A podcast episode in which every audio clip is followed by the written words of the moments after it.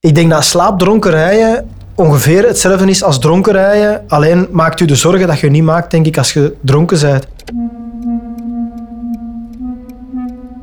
In een ochtendspits van mijn dorp waar ik woonde naar Leuven rijden, dat werd plots zo als een 4x4 parcours dat je met hindernissen pakt.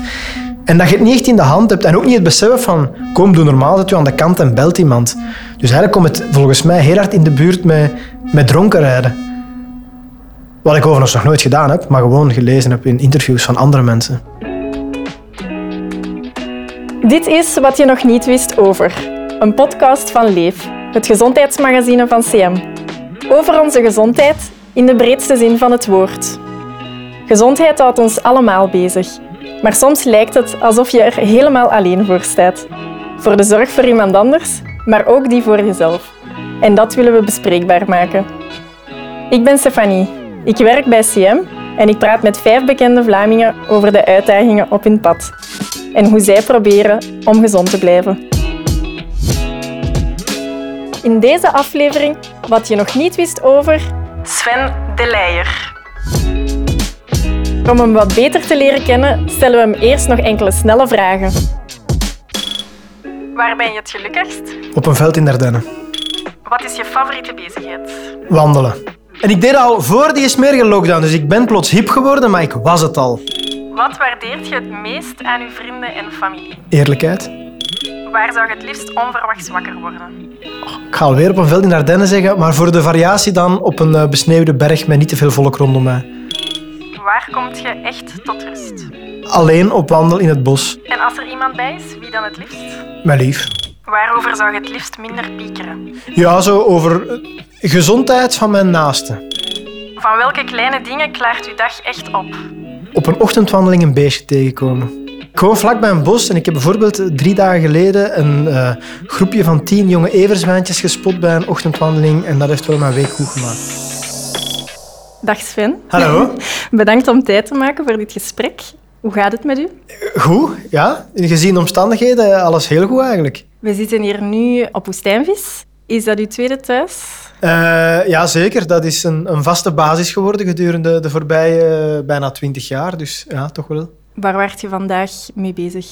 Uh, klinkt absurd op dit moment, maar ik ben bezig met het jaaroverzicht. Leuk of saai? Ik vind dat heel leuk. Dat is iets wat ik zelf uh, bedacht heb en waar ik nu al voor het vijfde jaar constant mee bezig ben eigenlijk. En ja. het jaar begint altijd terug op 1 januari, dus je kunt daar altijd aan werken. De titel van onze podcast is Wat je nog niet wist over.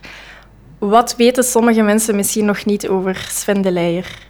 Ja, hoogstwaarschijnlijk het feit dat ik een aantal jaren te kampen heb gehad met uh, redelijk heftige slaapmiserie. Mm -hmm, mm -hmm. Hoe zijn die uh, problemen begonnen? Als een donderslag bij heldere hemel, ooit een aantal jaren geleden, tijdens opnames van het programma Hotel Romantiek. was een programma waar we met een aantal net iets oudere singles op vakantie gingen om die te proberen aan elkaar te koppelen. En dat is iets wat ik ongelooflijk graag deed. En bij die opnames was ik ook ongelooflijk blij en enthousiast.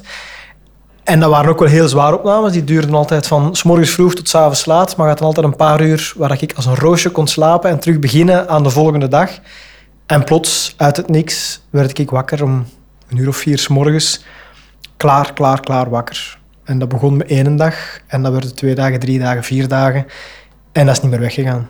En uit het niks, daarmee bedoelt je dan echt dat in die periode daarvoor, in heel je leven, eigenlijk nog nooit een moeilijke slaper geweest of zo? Nee, ik heb, ben al van mijn dertien jaar ook DJ. Dus mm -hmm. ik heb zo altijd wel mij redelijk mijn voeten geveegd aan een bioritme. Ik kon zo perfect twee nachten doortrekken paar uur slapen en terug voortgaan. En een paar nachten weinig en dan één nacht heel veel slapen. En dat ging. Dus nooit last van gehad. Ik was daar absoluut niet gewend om daarmee om te gaan, om uh, plots niet meer te kunnen slapen. Die slapeloze nachten, hoe zagen die er dan uit? Ja, in het begin, je wordt wakker. En het rare is, dat ik werd wakker. Je kunt soms zo s'nachts wakker worden dat je moet gaan plassen. Of dat je honger of dorst hebt of iets. Maar zoiets aantoonbaar waar je ook iets kunt aan doen. En dan slaapt je verder. Of je kunt wakker worden dat je aan het piekeren bent en dan weten, ja, ik kan nog proberen mm -hmm. te slapen. En, en dat is hetgeen wat ik toen ook deed in de eerste instantie. Van, ik was kapot, ik was keihard aan het werken, ik moest slapen. Maar ik voelde in die periode, als ik wakker werd, dat ik, ja, de wereld was op mij aan het afkomen. Ik kon niet zeggen, het is daarom of daarom. Maar ik werd wel zot. En het, ik voelde ook aan mijn lichaam dat ik klaar was om een of andere oorlog te voeren, alleen wist ik niet de welke. Dus dat was van in het begin vrij duidelijk van slapen is geen optie. En die eerste paar keer probeerde dat en is dat, gaat dat gepaard met heel veel woelen en, en, en draaien en keren en nadenken. Maar vrij snel had ik door van ik moet opstaan. En was eigenlijk altijd mijn strategie van ik ga nu opstaan, dan ben ik hopelijk volgende nacht zodanig kapot dat ik wel zal slapen. Alleen dat stuk ging nooit in vervulling. Dat begon op die buitenlandse opnames en dan ik thuis en dacht van het zal wel over zijn, maar dan ging dat duidelijk niet over. Dat was het moment dat mijn lief en ik op twee adressen woonden. Uh, ik in Tervuren, zij in Antwerpen en we wisselden mhm. constant van locatie. En als ik bij haar in Antwerpen was, ja, om een of andere reden, dat was ook op een klein appartementje, had ik niet zoveel bewegingsvrijheid die nacht. Dus dan ging ik s'nachts wandelen, om, vooral ook om de tijd voorbij te laten gaan. Want het, het vaste patroon was dat ik tussen twee en drie uur s'nachts wakker werd en dat je dan dingen zoekt om te doen, maar tot als de rest van de wereld wakker wordt om een uur of zeven, is er betrekkelijk weinig te doen. Dus dat, zijn echt, dat waren vier, vijf uur elke nacht dat je moest opvangen. En wat ik dan vaak deed om minder gek te worden in mijn hoofd, was gaan wandelen. Iets wat ik op zich heel graag doe. Alleen in een stad als Antwerpen om drie, vier uur s morgens gaan ronddolen, ja, dat is op zijn minst speciaal. En als je dan een bekken en herkenbaar gezicht hebt, is dat ook wel raar als mensen vol enthousiasme uit het café komen en dan de nood voelen om nog een plezant babbelje te slagen, terwijl je eigenlijk al wakker bent voor een nieuwe dag. En dat je misschien toch qua humeur niet echt in je allerbeste fase van je leven zit. Ja, dat waren speciale momenten. Ja, en het klinkt zelfs ook een beetje als een uh, eenzame periode. Mag ik dat zo noemen? Ja, zeker en vast wel. Gewoon omdat je dagen bijna dubbel zo lang duren. En je kunt daar ook niet zo heel veel over zeggen. Dat is echt rot, maar je kunt dat benoemen tegen je lief of tegen mensen rondom u, maar daar blijft het dan ook zo bij. Zeker bij mij. Ja, ik wist niet van waar het kwam. Ik wist niet wat ik er kon aan doen. Het was gewoon echt kak. Dat zijn heel eenzame dagen geweest. En na een tijd krijg je ook zo'n haat-liefde relatie met je bed. Want langs de ene kant, je wilt niet liever dan gaan slapen. Maar dat was ook, ja, je wordt elke nacht tussen twee en drie wakker en je weet onmiddellijk, oké, het is nog donker buiten. En dan wist ik, het is niet ochtend, het is midden van de nacht. En dan begint het weer. En dan, ja, tegen zeven uur s morgens had ik dan vaak al mijn 10.000 stappen gehaald, al alle kranten gelezen en al mijn collega's al een hoop ideeën doorgestuurd. En dan moest een dag nog beginnen. En dat waren zeker vaak niet de beste ideeën. Maar je zoekt zo toch contact te leggen op een of andere manier. En je hoopt dan maar dat er iemand anders ook al aan zijn computer zit om te antwoorden. Maar dat was niet echt het geval.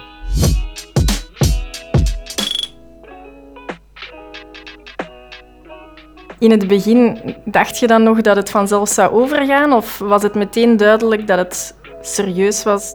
Ik had geen idee. Door het feit dat ik ook kon inslapen, dacht ik eigenlijk dat dat niet zo'n typisch slaapprobleem was. Want in mijn kop niet kunnen slapen is naar je bed gaan, moe zijn, maar toch wakker liggen. Mhm. Dus de logica van naar je bed gaan en of dat ik nu om tien uur ging slapen of om, of om twaalf uur, ik werd altijd tegen twee, drie uur wakker en klaar wakker. Dus ik had dat in het begin absoluut niet door. Je maakte je natuurlijk wel wat zorgen. Om een of andere rare reden had ik toch een gigantische portie adrenaline in mijn lijf om, om, om door te gaan. Ik was toen met drie tv-programma's en een theatershow bezig.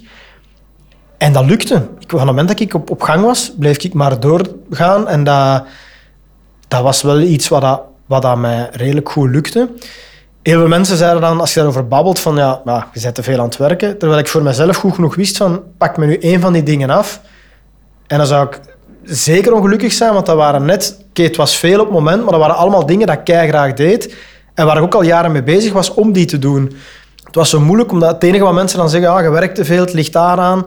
En ik vond dat zelf niet. Maar ja, als je daar alleen in staat en jij is degene die het probleem heeft, ja, dan wordt dat wel een beetje een, een eindeloze strijd om die te voeren tegen mensen. Ja, en wanneer heb je dan de stap gezet om uiteindelijk hulp te gaan zoeken? Was er een concrete aanleiding? het was gewoon te lang aan het duren. En ik denk dat, dat ik een maand of drie aan dat tempo ben doorgegaan. Van, ja, van twee, drie uur s morgens knallen tot tien, elf uur s avonds.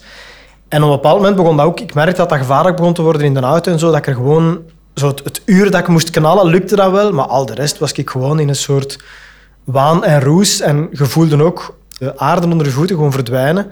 Dus het minst wat er iets tegensloeg of zo, voelde ik bij mij van oei, ik kan dat hier niet meer echt helder zien. Er is een bepaald moment geweest dat ik voor het jaaroverzicht, programma Vrede op Aarde, waar ik aan werkte, waar ik opnames ging doen op de set van Thuis.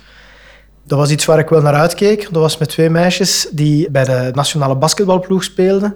En die waren zot van thuis en we elkaar leren kennen. En ik keek er echt naar uit om hun bij thuis te introduceren. En ze mochten alle twee figureren in die reeks.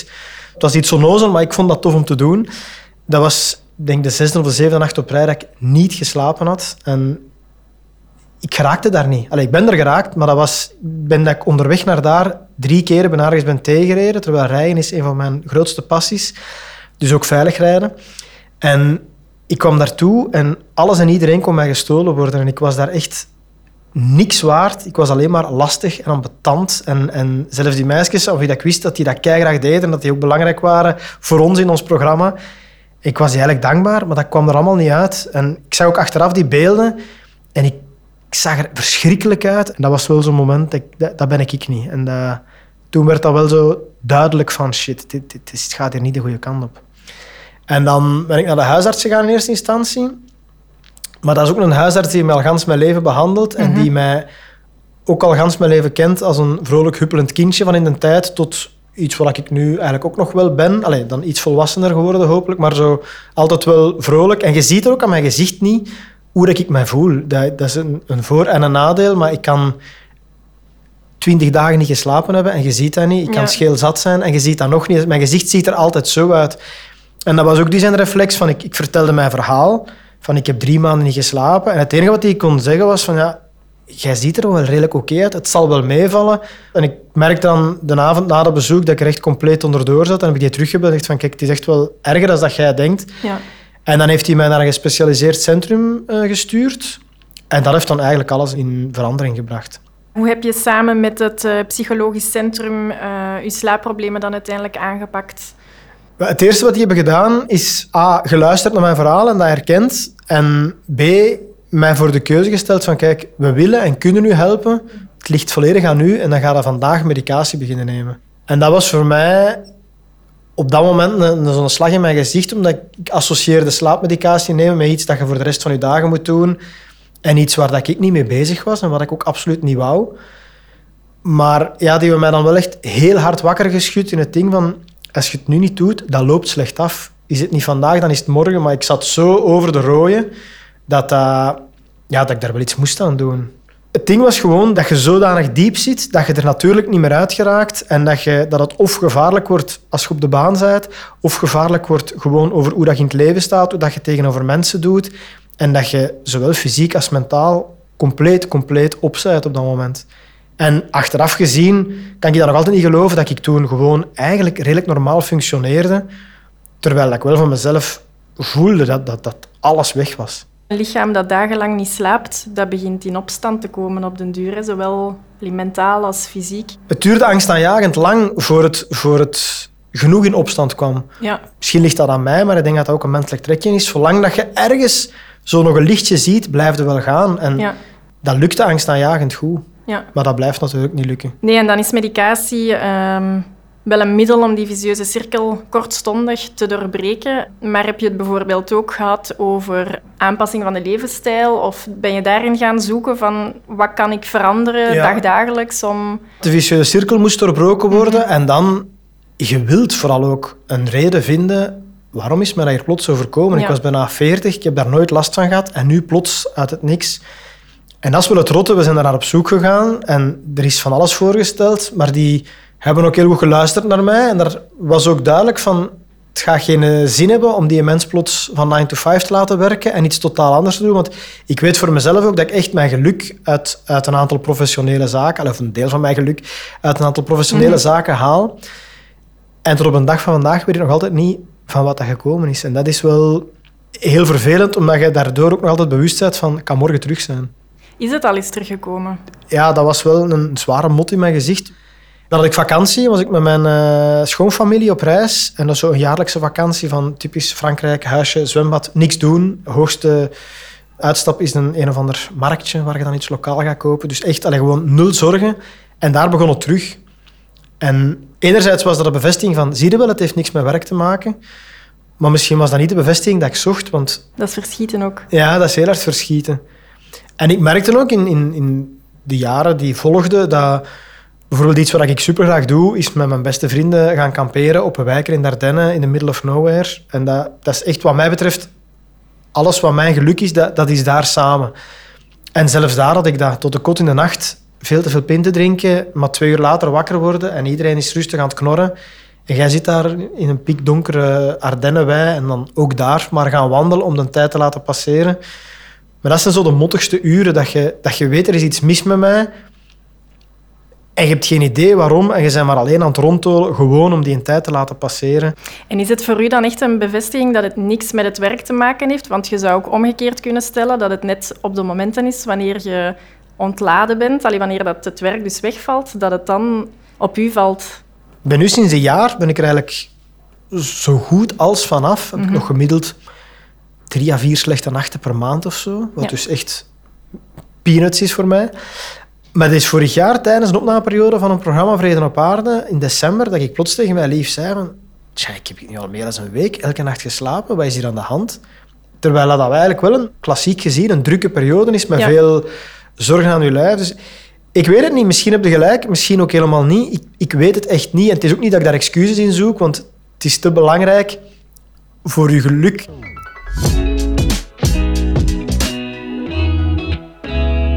Natuurlijk, dit is jouw ervaring. Het ene verhaal is het andere niet.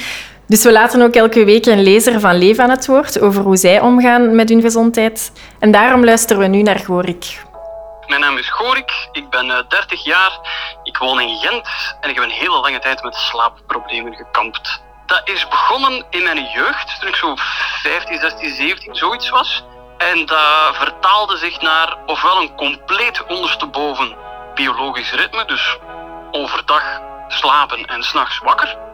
Ehm, of op momenten dat ik graag wou inslapen, dat dat gewoon niet kon. En ik kon alleen maar eh, kalmte vinden en afleiding vinden als er ergens op de achtergrond iets aan het afspelen was. Dus ik heb eh, jarenlang enkel met een eh, televisie die speelt kunnen inslapen. Dat probleem zelf en beseffen dat dat een, een beetje een horde is, dat dingen verneukt in uw leven, dat is gênant in de eerste plaats. Tegelijkertijd, ik liep ook wel heel hard verloren in het leven. Ik heb een hele moeilijke jeugd gehad. En daar kwam er nog een keer bovenop. Dus die slaapproblemen heb ik in een lange tijd er gewoon maar bijgepakt. Maar therapie helpt. En ik heb een fantastische vriendin met een enorme portie geduld en een groot warm hart. Dat scheelt veel. En stapje bij beetje komt er zo een klein beetje uw put uitgeklauterd. Een vriendin die had ook slaapproblemen gehad. Was een tijdje naar een slaapkliniek gegaan. En die was zo lief om haar dagboek en haar notities en haar oefeningen aan mij te geven. En zo ben ik erin geslaagd, beetje bij beetje, alles qua slaapissues op punt te zetten. En nu tegenwoordig eh, slaap ik eigenlijk heel erg goed, want ik sport genoeg. Ik heb regelmaat, ik sta op hetzelfde uur op en ik ga op hetzelfde uur slapen. En ik eindig mijn dag altijd met een uurtje aan rust. Geen eh, technologie, geen serie, geen lawaai. Gewoon even een boekje lezen, iets dat ik fijn vind. En de rest gaat eigenlijk vanzelf. Herkenbaar? Ja en nee. Ik ben al in eerste instantie blij dat het ook bij hem beter gaat. Dan zijn al twee eh, van de velen die, die, die geluk hebben, en waar, waar het werkt om eruit te geraken. Ja, er zijn een aantal dingen heel herkenbaar. De eenzaamheid op momenten, het feit hoe dat hem vertelt dat hem met verschillende hulpmiddelen of mensen uit een put klautert, is heel herkenbaar. Bij mij, ik heb het geluk gehad dat, dat ik een heel, stabiele, allee, een heel stabiel leven tot nu toe heb gekend. En uiteraard, zoals bij iedereen, maakt wel een aantal dingen mee die minder tof zijn, maar die hebben mij nooit ergens kunnen zodanig kwetsen dat ook die slaap er een gevolg van was. Bijvoorbeeld zo tot rust komen. Ik zal altijd, als ik na mijn avondeten of zo merk van oeh, er zit veel in mijn hoofd, zal ik nog eens gaan wandelen of, of iets doen waardoor ik zowel mentaal als fysiek toch in een eerdere rustmodus plaats. Slaaphygiëne is er bij mij wat ingeslopen. Zo wakker worden doe ik al jaren eh, op redelijk vroege en vaste uren. Wat ergens aan betand is, zeker als je een hobby als DJ'en hebt. Maar zo tot een stuk in de dag slapen, dat is niet meer haalbaar. Maar dus nu met andere woorden, als je je eh, bed opzoekt, dan is dat wel weer met een gerust gemoed. Zonder stress, zonder zorgen. Alles in onze slaapkamer moet zo perfect mogelijk zijn. Dus alles is daar ook uit, behalve nog een bed en twee nachtkastjes. Van niks van afleiding. En vorig jaar een nieuw bed gekocht ook. Wat dat het slechtste is voor iemand met slaapproblemen, om de winkel binnen te stappen en zeggen we zoeken een bed. Want alles waarvan die zeggen, ja, dat is echt het beste, daarvan zegt het tuurlijk. Ik hoop dat. Ik, ik wil alleen maar het beste. Dus we hebben een veel te duur bed gekocht, maar dat is wel, daardoor wordt het een soort hotelbeleving van elke keer als ik ga slapen. En toch minstens twee, drie keer per week, als ik dan een volledige nacht heb doorgeslapen, dat ik nog altijd wel met het gelukzalige gevoel opsta en dat ook benoem van hé, hey, ik ben niet wakker geweest vannacht. Ja, het was een goede nacht. Ja. Heb je een uh, avondritueel voor het slapen gaan? Ik probeer zoveel mogelijk fysieke arbeid, allee, arbeid, fysieke beweging op een dag te hebben, omdat ik wel merk dat dat werkt, dat je gewoon mm. fysiek moe bent. Dat is altijd het beste. En ik probeer zo, met zo weinig mogelijk zorgen in mijn bed te kruipen. Maar natuurlijk, het benoemen of ervoor proberen te zorgen dat ze weg zijn, is ook vaak ze gewoon in je hoofd toelaten. En iets wat bij mij werkt, is een soort 70-jarige yoga-ademhalingsoefening, die ik, waarmee dat minste dat ik, dat ik voel dat het motorke in gang is, dat ik uh, mee in mijn bed lig en daarmee stoorde niemand en, en dat lukt. En deed je dat vroeger ook al of is dat nu nieuw sinds... Uh... Dat is nieuw. Ja. Dat was ook de eerste keer in mijn leven dat ik zo psychologische hulp zocht ben me er wel veel bewuster van geworden hoe goed dat is en hoe belangrijk dat, dat is. En ook de deal met die psycholoog van het minste dat dat hier terug drie nachten aan elkaar is, sta ik terug aan uw deur. En dat idee helpt u ook wel om daarmee om te kunnen of om, om, om dat een betere plaats te geven. En ik heb daar ook heel veel over gepraat, wat ik voordien misschien niet zou gedaan hebben. Maar mij daartoe verplichten heeft me ook wel geholpen om dat bespreekbaar te maken. En dat is bijvoorbeeld ook een reden dat ik dit niet absoluut wil doen omdat ik weet dat daar zoveel mensen last van hebben en dat er over babbelen wel een hulp kan zijn.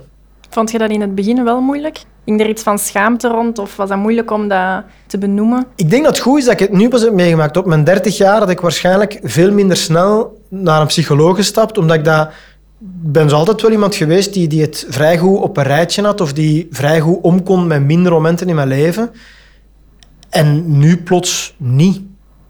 Ambetante was ook, ik was net voor het eerst in mijn leven een theatervoorstelling aan het maken waar ik al tien jaar over aan het denken was. En die voorstelling heette Content. In het idee dat ik van mijn eigen vind dat ik al heel mijn leven vrij vlot content kan zijn over dingen en dat ik daar ook met tegenslagen, ook dingen die echt kak zijn, dat je die toch vrij snel kunt keren naar een manier om die op een iets of wat positieve manier te benaderen. En nu plots, als ik dat aan het maken was, werd ik voor het eerst in mijn leven geconfronteerd met een andere kant van mezelf die ik tot dan nog niet kende of die er niet was of, of die diep verscholen zat. Dus ik heb dan ook beslist van ja, ik moet die voorstelling omdraaien. Dat heeft geen zin om die nu zo te spelen. Dus dan ben ik begonnen met een, de eerste tien minuten, een kwartier, dat echt redelijk serieus was. Wat dat totaal niet ik ben. En dat was heel confronterend, maar door het feit dat ik dat elke avond opnieuw moest doen, heeft dat ook wel echt op een of andere manier therapeutisch voor mij gewerkt. En heeft mij dan verplicht om daarover te praten en om dat elke avond ook na zo'n voorstelling met mensen te bespreken. Want elke avond kwamen er mensen naar mij om... Hey, ik heb dat ook voor gehad, of mijn zuster heeft dat, je kunt dat eens proberen. En mij heeft dat zeker geholpen. Sven, het is maandag vandaag. Heb je nog een uh, drukke week voor de boeg? Een toffe week voor de boeg. Ik moet een hele week niet nadenken en ik mag het doen wat ik het liefste doe, namelijk televisie kijken en daar mopjes bij bedenken. En ik word ervoor betaald. Ja, dat klinkt fantastisch. Ja, dat is ook. Sven, heel erg bedankt voor uw tijd en uh, het fijne gesprek. Heel graag gedaan. Dit was Wat je nog niet wist over. Een podcast van Leef, het gezondheidsmagazine van CM. Ken je iemand voor wie dit verhaal een duw in de rug of een klop op de schouder kan zijn? Stuur deze aflevering gerust door. Het hele interview met Gorik kan je lezen op leefmagazine.be. In de volgende aflevering vertelt Lise Spit over haar leven met diabetes. Eigenlijk zit je dag en nacht in de WhatsApp met een zeer irritante moeder die voortdurend zich bemoeit met alles. Altijd die bzzt, bzzt als je een beetje te hoog zit of bzzt, bzzt als je zakt. De verhalen die je hier hoort zijn persoonlijke getuigenissen. Zit je zelf met vragen over je gezondheid? Neem dan contact op met je huisarts. Ik ben Stefanie. Bedankt om te luisteren en tot de volgende. Een productie van CM met de ondersteuning van Chase Creative Agency. CM, jouw gezondheidsfonds.